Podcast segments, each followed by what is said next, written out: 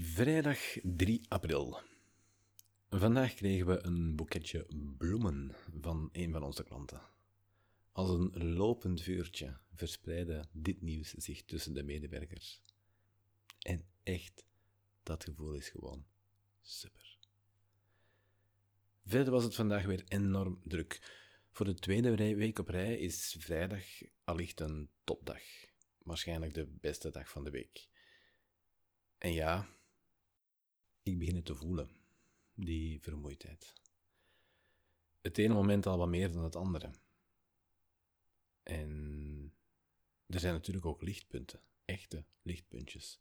Zoals collega's van de centrale diensten die weer eens een keertje het beste van zichzelf komen geven.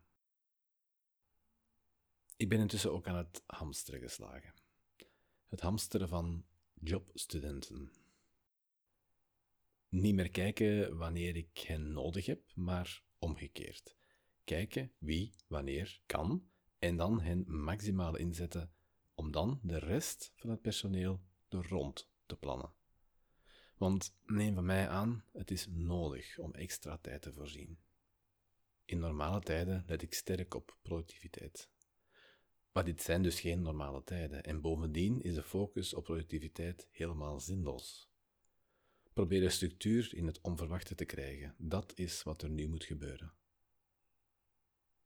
De eerste opdracht is elke dag al het verse erin te krijgen.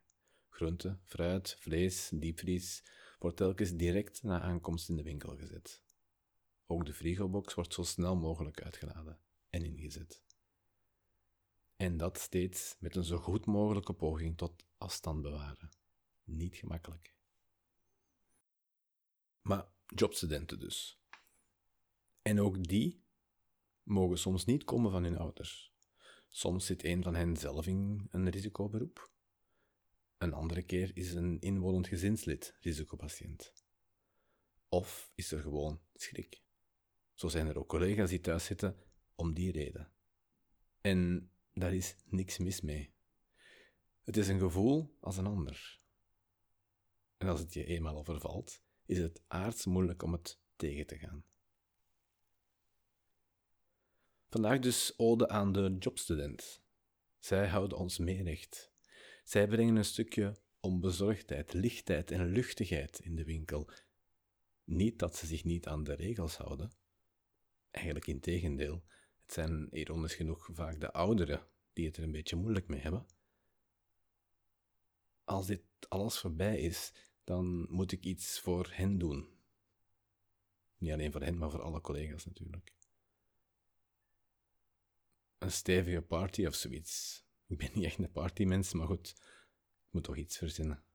En echt, lieve jongens en meisjes, jullie zijn heldjes in spe. Zo, dat is het voor vandaag. Ik ben moe, dus ik ga slapen. Morgen weer een verse dag met een vrije en warme zondag in het vooruitzicht.